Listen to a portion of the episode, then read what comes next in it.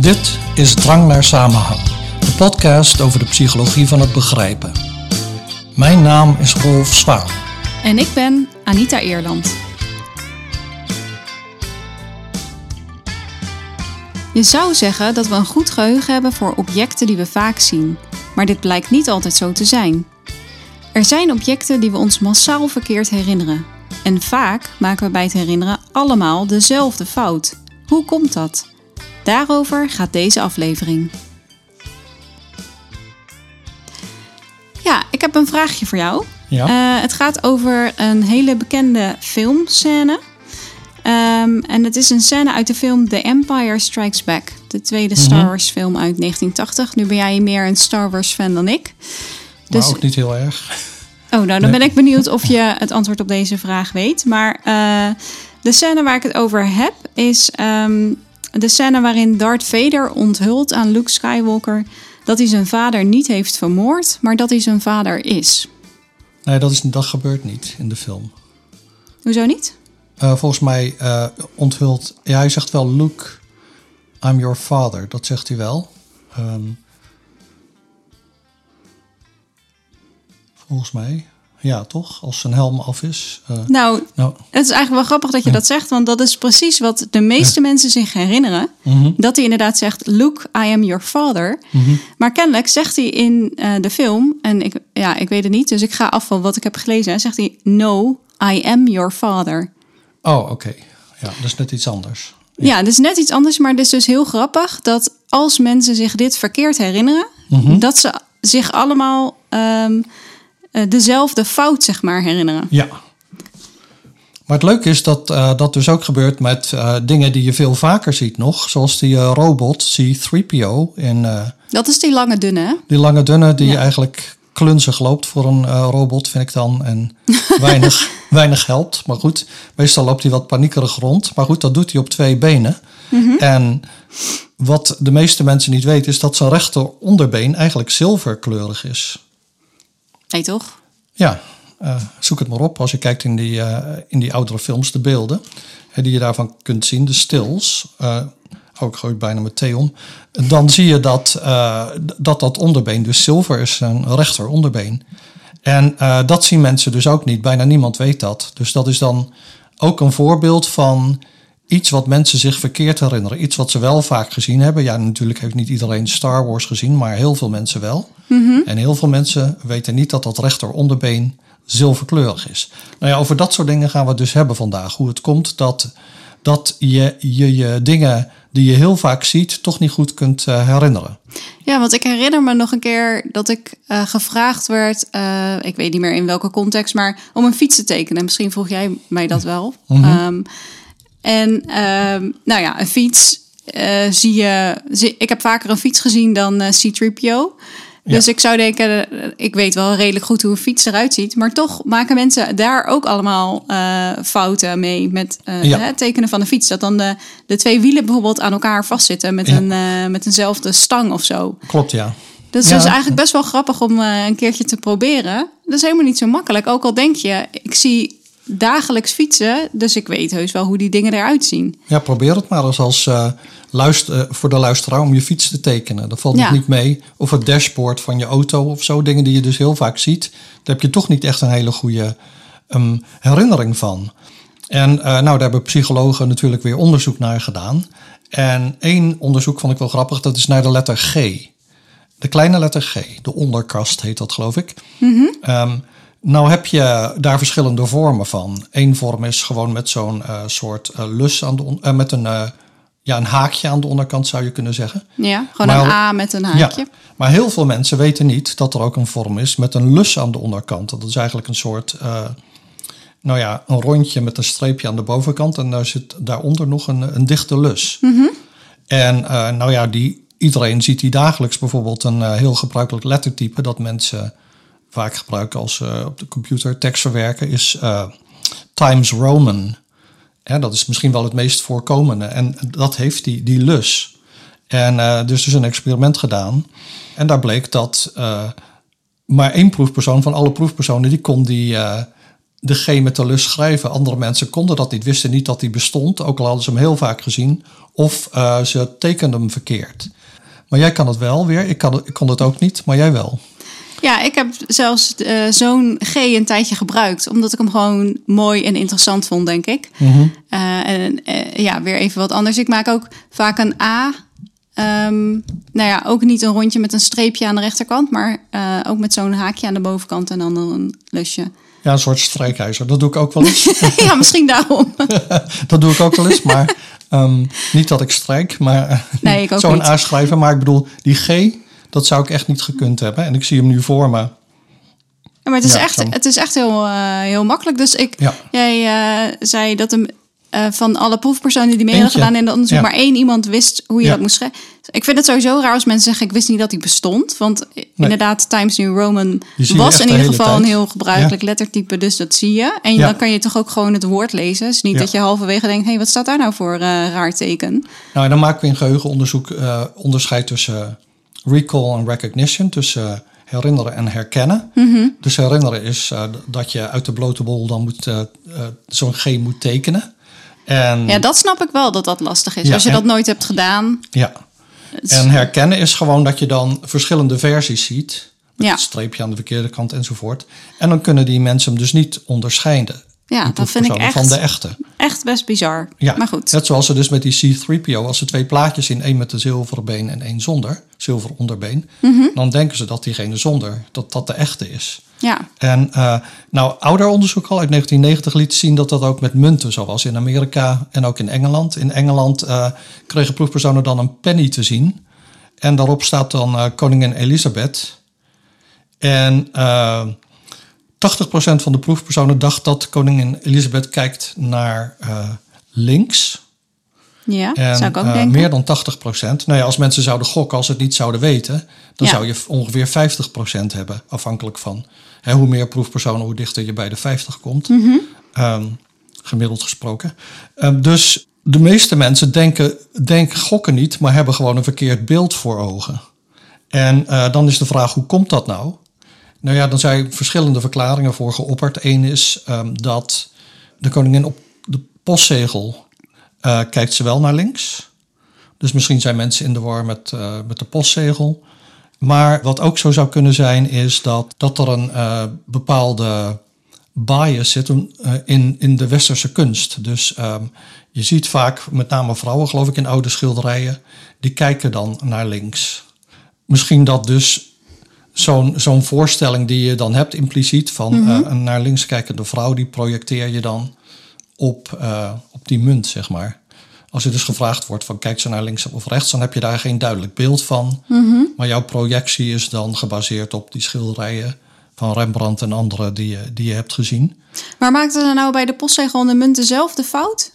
Nee, want op de postzegel kijkt ze wel naar links. En Ah. daar maken mensen die fout dan niet blijkbaar. Ja, in- dat, ja. daarom dacht ik, dan Ja. is dat eigenlijk niet echt een goede verklaring. Want dan doe je het bij eh, de munt bijvoorbeeld wel, maar bij de postzegel niet. Ja, nou zou je kunnen zeggen, je ziet de postzegel beter dan de munt. Want Ja, dat is waar. eh, je Dat moet denk hem recht plakken of zo.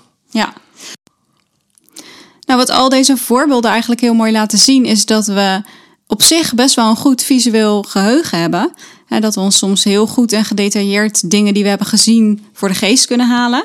Ehm, maar dat we kennelijk ook bepaalde fouten maken. Ja. Zoals bij alle soorten geheugen. Maar dus ook met het visuele geheugen. En wat ik dus zo fascinerend vind, is dat we dus voor sommige plaatjes, voor sommige objecten, allemaal dezelfde fout lijken te maken. Ja, Ehm, en nou ja, soms is dat zo dat we ons de vorm anders herinneren van een bepaald object en dat we dat kennelijk allemaal doen. En een heel bekend voorbeeld daarvan is eh, dat Monopoly-mannetje. Natuurlijk ook de Ja. voorbeelden die we net gaven. hè. C-3PO is ook een Mhm. eh, voorbeeld daarvan. Maar ook dat Monopoly-mannetje. Ehm, als je dan vraagt aan mensen hoe die eruit ziet, of je laat ze inderdaad een serie plaatjes zien en dan de juiste eruit halen, dan denken mensen vaak dat dat mannetje zo'n enkel oogglas heeft. Ja. Ehm, maar dat is dus niet zo. of monocle. Ja, daar, daar zijn we dus nog niet over uit. Nou, ik heb het opgezocht. Het zou een onbegrip van de week kunnen zijn. Ehm, blijkbaar zijn er twee uitspraken die je kunt gebruiken. Monocle en monocle. Ja, afhankelijk van of je de de dikke vandalen of de kleine de vandalen volgt, geloof ik. vandalen. Ja, zoiets. Maar ja, goed, ik, maar zeg, ik dacht, ik ga me daar niet aan wagen. En ik zeg gewoon een enkel oogglas. Dat is ook goed, toch? ik zeg monocle. Oké, Oké. prima. Ja, dat is dus inderdaad waar. Mensen die, eh, die, die zijn er stellig van overtuigd dat het mannetje zo'n ding heeft. Maar dat ja, is zou, dus ik niet ook, zo. zou ik ook denken. Ja. Nou, eh, dat verschijnsel dat heet het visuele Mandela-effect. Dus om dat te begrijpen moeten we eerst even weten wat het Mandela-effect is. En die term, Mandela-effect, die was bedacht door een, eh, een onderzoekster tussen aanhalingstekens, Fiona Broom. Ehm, en die doet onderzoek naar het paranormale, staat in het artikel wat wij bespreken, maar het is eigenlijk meer ehm, ik zou zeggen dat ze niet echt onderzoek doet, maar meer dat het een soort complotdenker is. Maar goed, ehm, die had in ieder geval een herinnering van eh, dat Ne- Nelson Mandela in de jaren tachtig was overleden in de gevangenis. Daar was ze stellig van overtuigd. Oké. En eh, ze zei, ja, andere mensen hebben precies die, datzelfde, diezelfde herinnering. En eh, dat is sindsdien helemaal over het internet gegaan. En eh, eh, nou ja, mensen hebben dus verkeerde herinneringen. Want Mandela is niet in de gevangenis overleden en ook Nee. niet in de jaren tachtig. En ehm, dat mensen dus hele specifieke herinneringen hebben die verkeerd zijn. Maar ze delen die wel met anderen. En ze zijn er heel Ja. erg stellig over. Heel erg Toch? stellig. Ze- ja. Die vrouw die twijfelde waarschijnlijk niet aan wat ze zich herinnerde. Nee, en op, op het internet is men dan helemaal losgegaan en he- hebben ze het over alternatieve dimensies. Dus in een alternatieve wereld is Mandela wel overleden in de jaren tachtig in, eh, in een gevangenis. En daarom, eh, daarom hebben mensen die herinnering of zo. Nou moet ik wel zeggen, ik heb die eh, webpagina van die Fiona Broom bekeken. En die zegt zelf dat ze het leuk vindt om over dat soort dingen te speculeren. Op die webpagina staat niet echt dat ze gelooft in alternatieve werkelijkheden. Ehm, dus in dit artikel wat wij bespreken, vond ik eh, de auteurs daar een beetje kort door de bocht, moet ik zeggen. Maar goed, Nou, misschien Ehm. wilden ze er ook gewoon niet al te veel aandacht op vestigen. zou kunnen, zou kunnen. En eh, ja, wij, kijk, wij gaan het hier niet hebben over complotverhalen. Dat is wel leuk, maar daar hebben we het al vaker over gehad. Want we hebben het nu over het visuele Mandela-effect. En dat vind je dus ook zonder aan alternatieve wer- werkelijkheden te denken. Hè, dat C-3PO-voorbeeld, de robot in Star Wars, is, een, is er een van een voorbeeld. En van een visueel Mandela-effect. Eh, en dus ook bijvoorbeeld eh, dat monopoliemannetje waar jij het over had. Nou is het natuurlijk niet zo eh, dat bijvoorbeeld dat originele Mandela-effect is niet visueel. Hè. Zij dacht gewoon hij is overleden in de gevangenis, maar ze heeft daar niet per se een beeld bij. Ze denkt dat ze dat ergens gelezen heeft of wat dan ook. Ja, dus dus het- dat is in het algemeen het Mandela-effect. Visueel is echt dat je een verkeerd beeld hebt van een, eh, van een bekend voorwerp of een bekende persoon. Dat je daar heel stellig in bent van dat is de juiste afbeelding en dat veel andere mensen dat ook hebben. Ja, dus hoe komt het nou? Hoe komt het nou dat die verstoringen optreden? Nou, er zijn eh, verklaringen voor geopperd. En een ervan is dat we informatie opslaan in schema's. Hè? Dus eh, een schema is een soort meer abstracte voorstelling.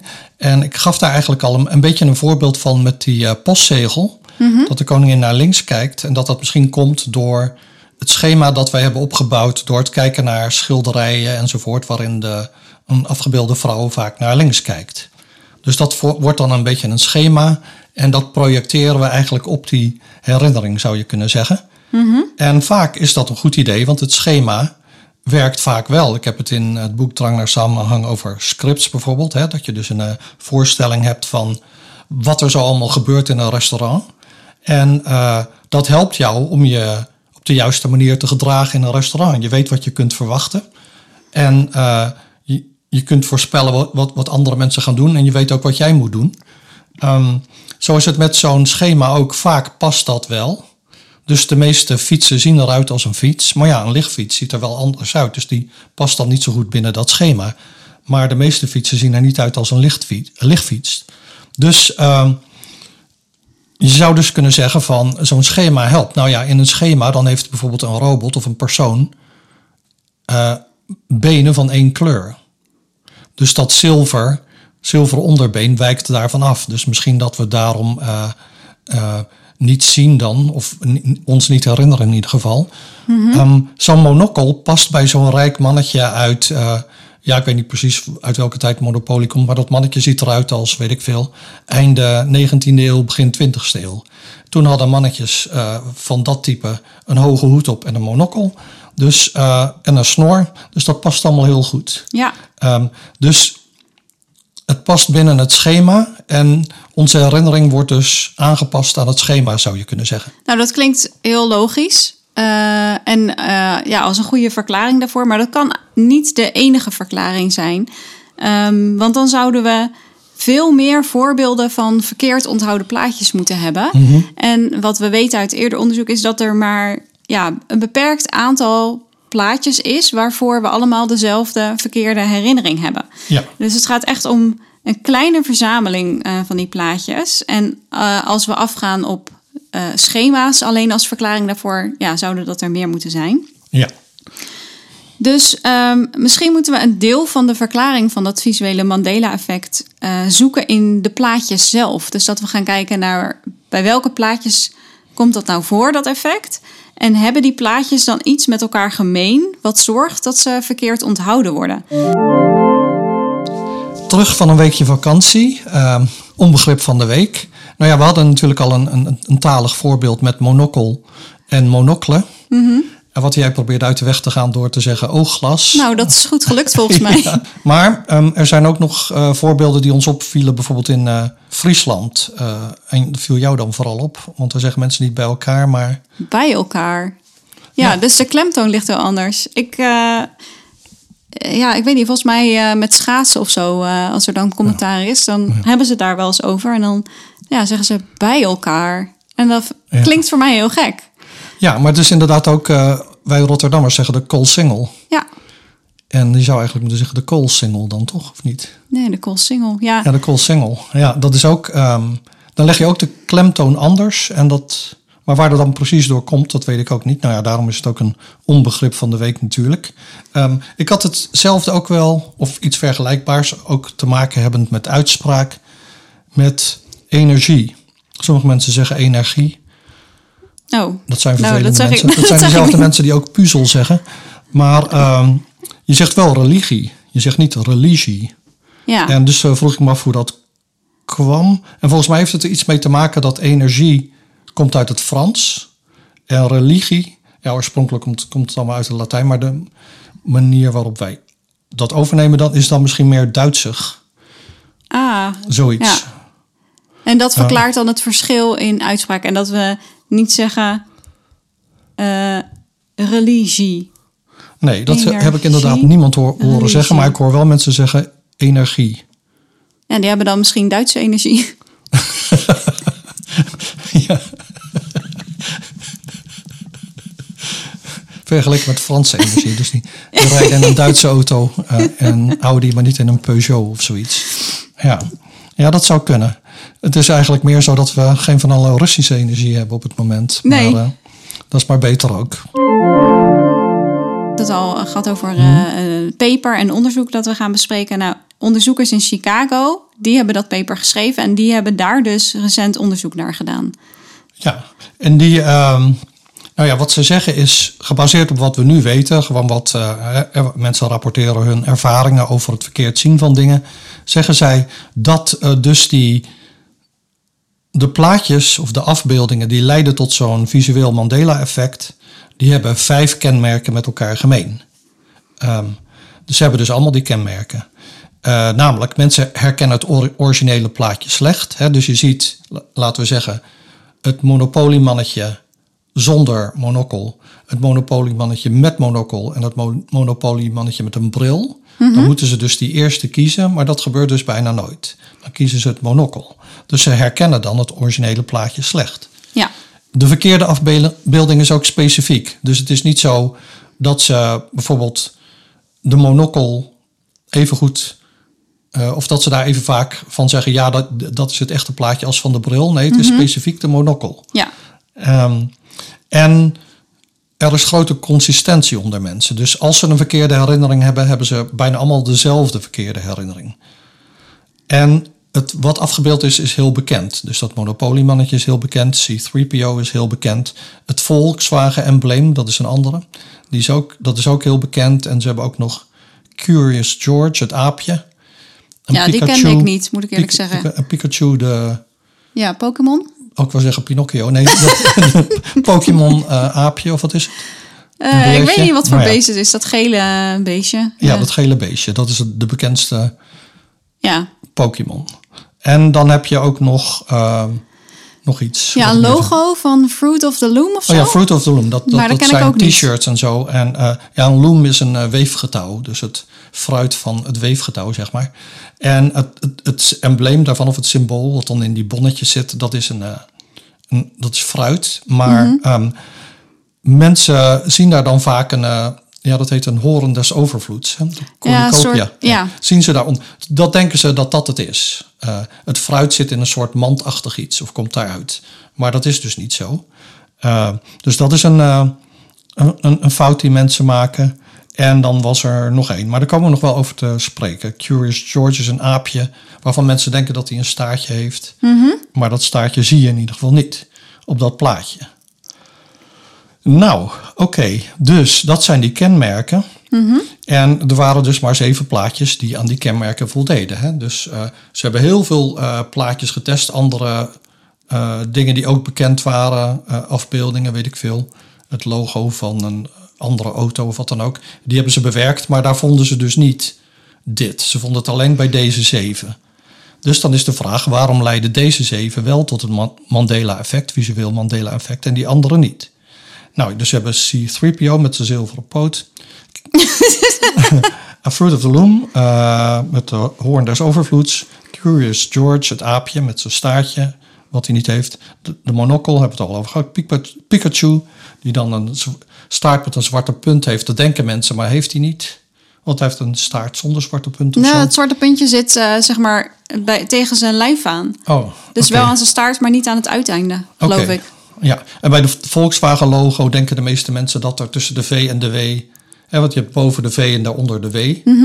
eh, dat die min of meer aan elkaar zitten. Maar er zit eigenlijk een soort streepje tussen, zodat de V en de W wel los van elkaar zijn. Ehm, Oké, dus daar alleen bij die zeven vonden ze dat Mandela-effect.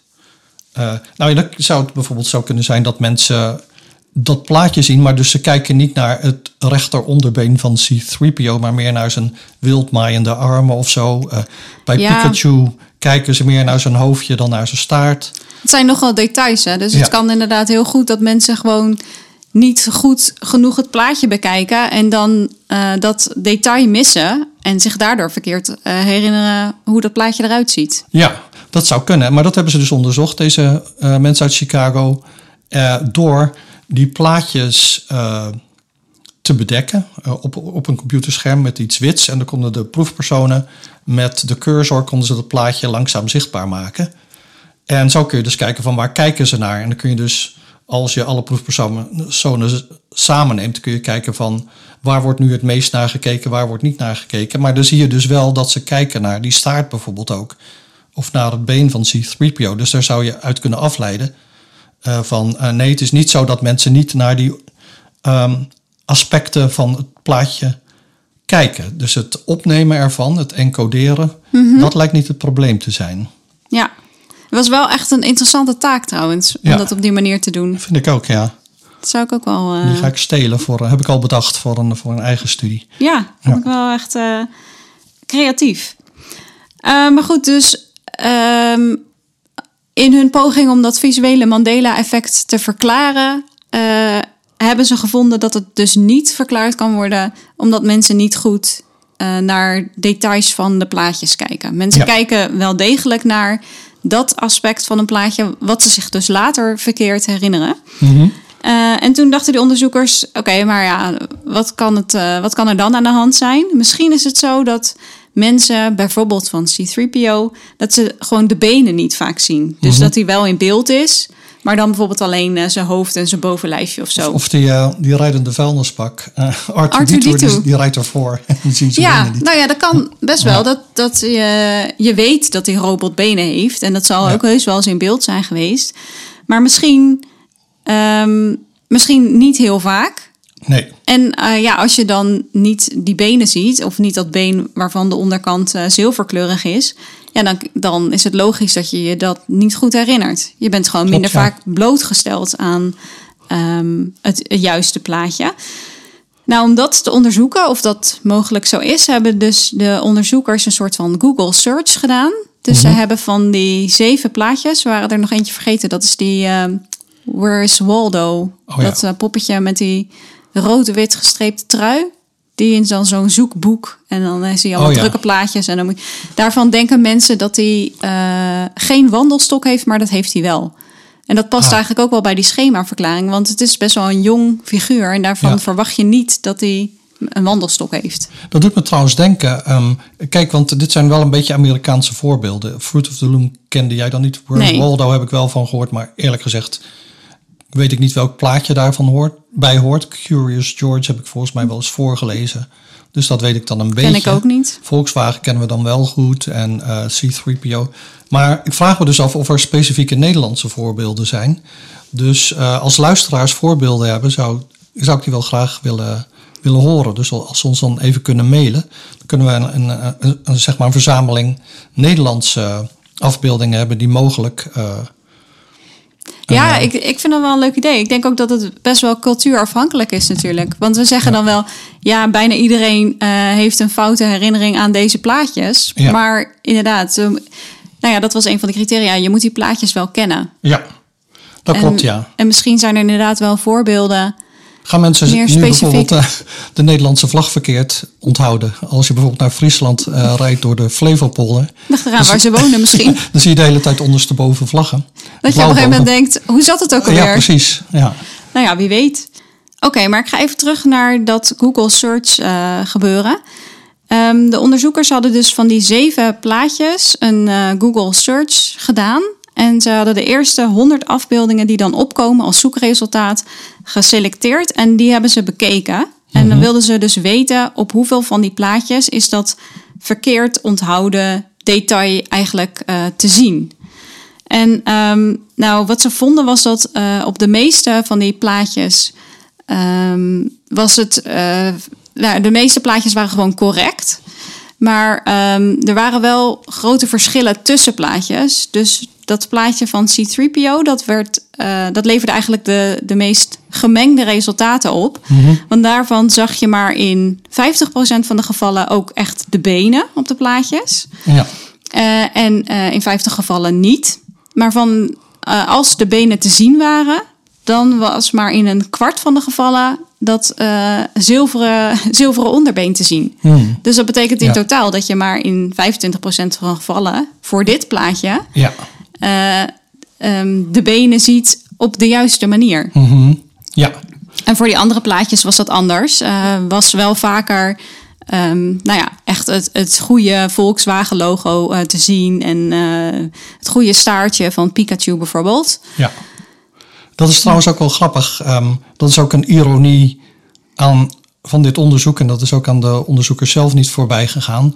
Dat eh, hoe meer mensen dit onderzoek, over dit onderzoek lezen of luisteren naar onze podcast, hoe meer dat effect verdwijnt. Want ehm, je krijgt dus dat in dit onderzoek, dat eh, wordt gepubliceerd in een tijdschrift, maar het originele plaatje van C3PO staat erbij, maar ook dat met alleen maar een gouden been. En ook het verkeerde Volkswagen-logo staat er en het goede enzovoort. Dus als men- eh, meer mensen dat artikel lezen, dan kunnen die mensen, dan kun je niet zeggen van ze hebben nu een, laten een Mandela-effect zien. Misschien is het gewoon dat ze zich de verkeerde bron herinneren. Ze hebben de, het Volkswagen-logo, laten we zeggen, niet op een auto zelf gezien, maar ze hebben het gezien voor het eerst echt in dit artikel. En ze onthouden het verkeerde plaatje. Dus eh, dat, is, dat is op zich wel grappig. Dat zeggen die auteurs ook, dat hoe bekender dit onderzoek wordt, hoe eh, minder mensen dit effect zullen laten zien dan. Of althans, hoe minder je het kunt toeschrijven aan het Mandela-effect. Ja, dan, gaan er andere gewoon- dingen Ja, een rol spelen. Ze noemen, ehm, eh, nou dan heb je source confusion. Dus je, je onthoudt de verkeerde bron. Je hebt het niet gezien op een Volkswagen, op het, eh, hoe heet dat, de motorkap, maar je hebt het gezien op, eh, in dat artikel of in de krant of wat dan ook. Ja, maar ik zet toch maar wel de link naar het artikel in de show ja, notes. tuurlijk, tuurlijk. Ja. ja.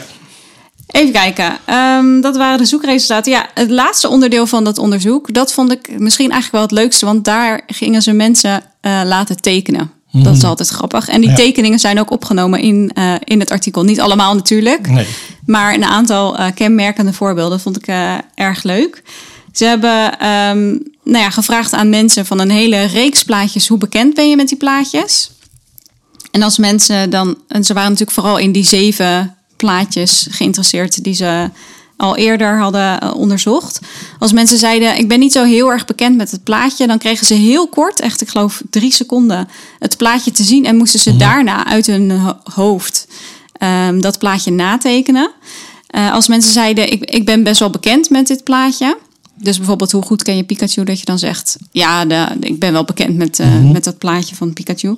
Dan kreeg je niet nog het plaatje te zien, maar mocht je gewoon meteen gaan tekenen. Dus dan Ja. gebruik je je lange termijn geheugen om een plaatje te tekenen. En in dat andere geval je korte termijn geheugen, want je hebt net het plaatje gezien. En de onderzoekers gingen dus kijken ehm, hoe vaak mensen dan ehm, die fout maakten. Dus de fouten die mensen maken als ze zich het plaatje herinneren, of ze dat ook deden als ze het plaatje tekenden. En dat vonden ze eh, inderdaad, maar dan wel vooral ehm, als mensen niet eerst het plaatje hadden gezien. Ja, ja. Dus ze vonden wel, als er fouten werden gemaakt, was het vaak de fout die mensen ook maken als ze het zich herinneren. Ja. Ehm, maar er waren wel veel meer fouten als mensen ehm, het plaatje helemaal uit hun hoofd, eh, uit hun geheugen moesten natekenen. Niet als ze het net hadden gezien. Nou, dat is op zich ook wel logisch. Ja, ja dat is zeker logisch. Maar dan, dan is dus ehm, de vraag van... wat is dan de juiste verklaring? Hoe Ja. komt dat nu?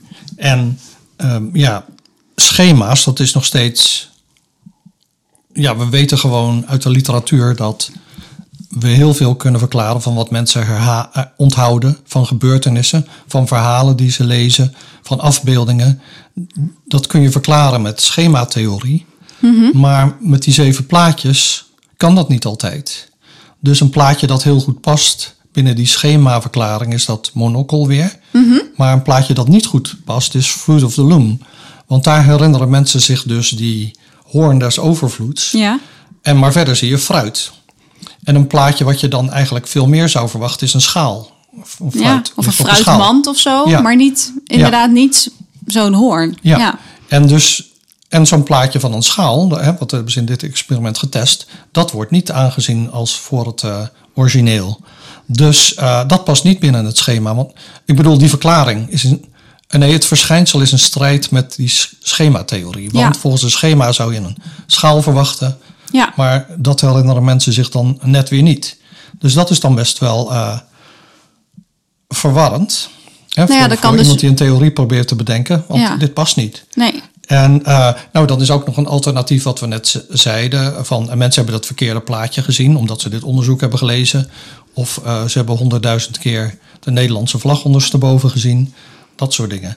Eh, dan kun je niet zeggen, oh, ze laten een Mandela-effect zien. Want dan is het gewoon, eh, ze verwarren twee dingen die ze wel gezien hebben. En ze, ze hebben misschien van allebei wel een goede voorstelling. Dus, zeggen die auteurs, ja, we hebben dus eigenlijk geen universele verklaring voor, deze, voor dat visuele Mandela-effect. Eh, het kan zijn dat schema's een rol spelen, dat lijkt zo te zijn. Het kan ook zijn dat visuele ervaring een rol speelt. Maar het kan ook nog iets heel specifieks zijn aan die plaatjes.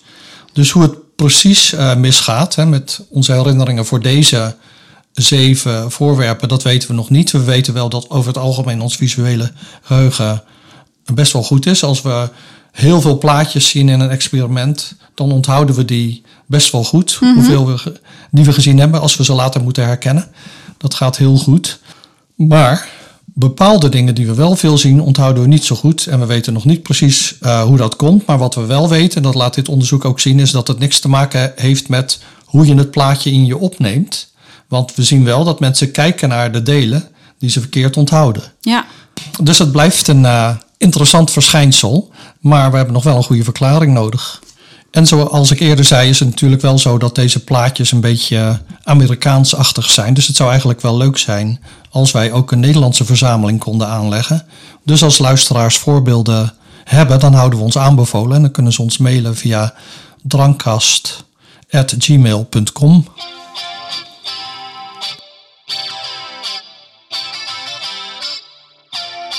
Vond je dit een leuke aflevering? Abonneer je dan.